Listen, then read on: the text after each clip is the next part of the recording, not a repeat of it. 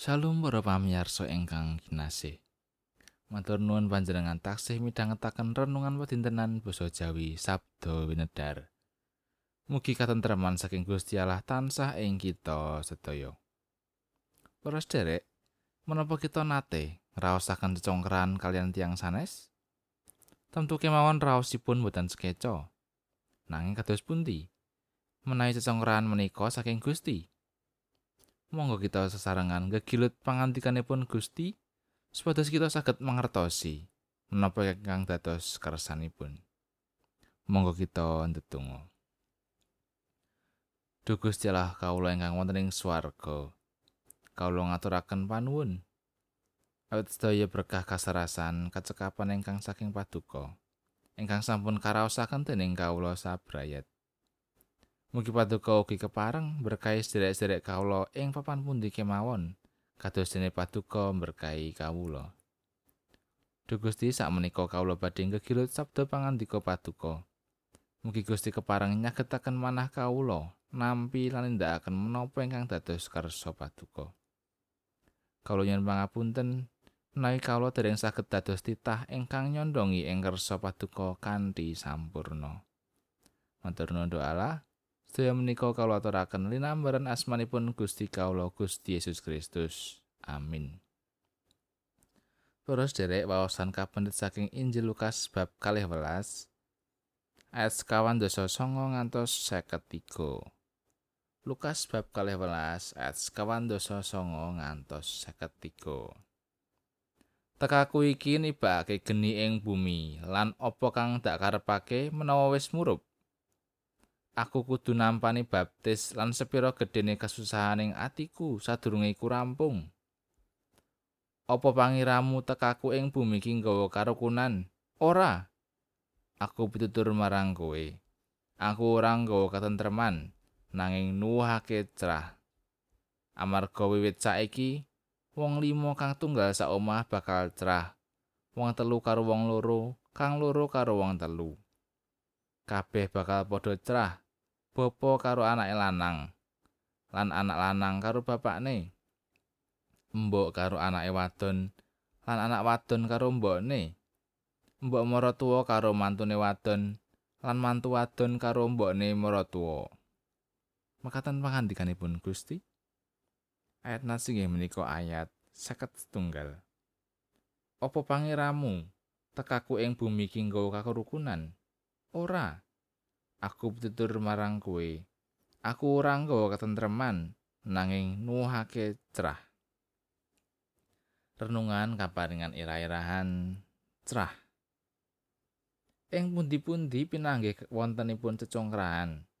Ing stasiun terminal warung peken malah ugi ing salebeting berayat. Ing kasunyatan bilih gesang kita caket sanget kalian cecongkrahan. Gusti Yesus anggenipun rawuh ing jagat menika mboten ngasta bedamen nanging nuwuhaken trah utawi cecongkrahan. Duh, kok saged?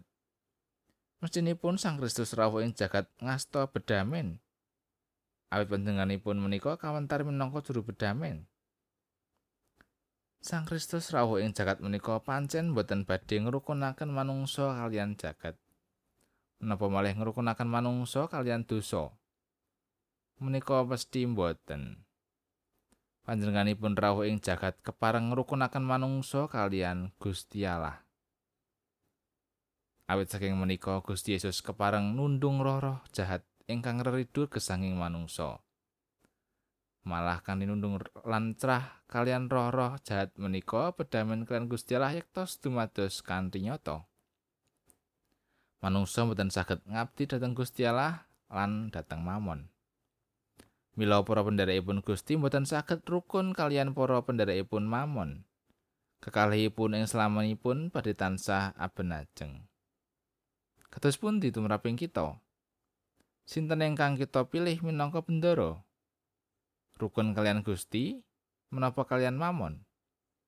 Gusti Yesus rawuh ing jagat menika mbekta bedamen antawisipun Allah kalian para kagunganipun.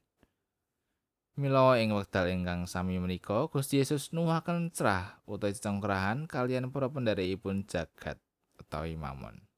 Amin.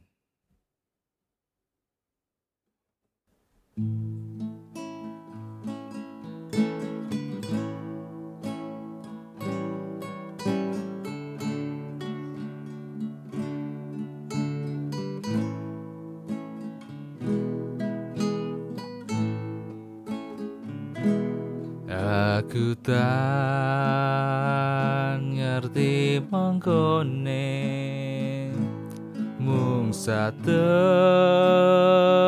molum aku. Tutu surya kang antu. Ceriku bakal sirno mengkone aku tan kuatir. Wit gusti wis prasetyo.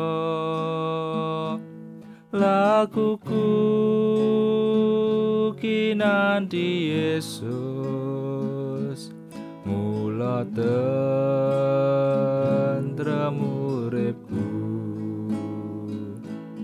Bapake aku tan ngerti. Kang bakal talami nging aku yakin sayakti. Dan sakit nanti gusti